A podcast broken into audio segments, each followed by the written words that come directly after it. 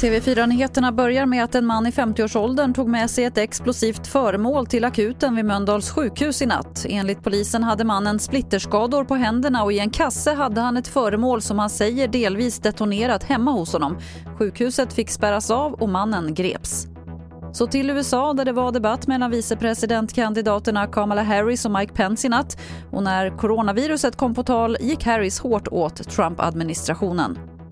The American people have witnessed what is the greatest failure of any presidential administration in the history of our country.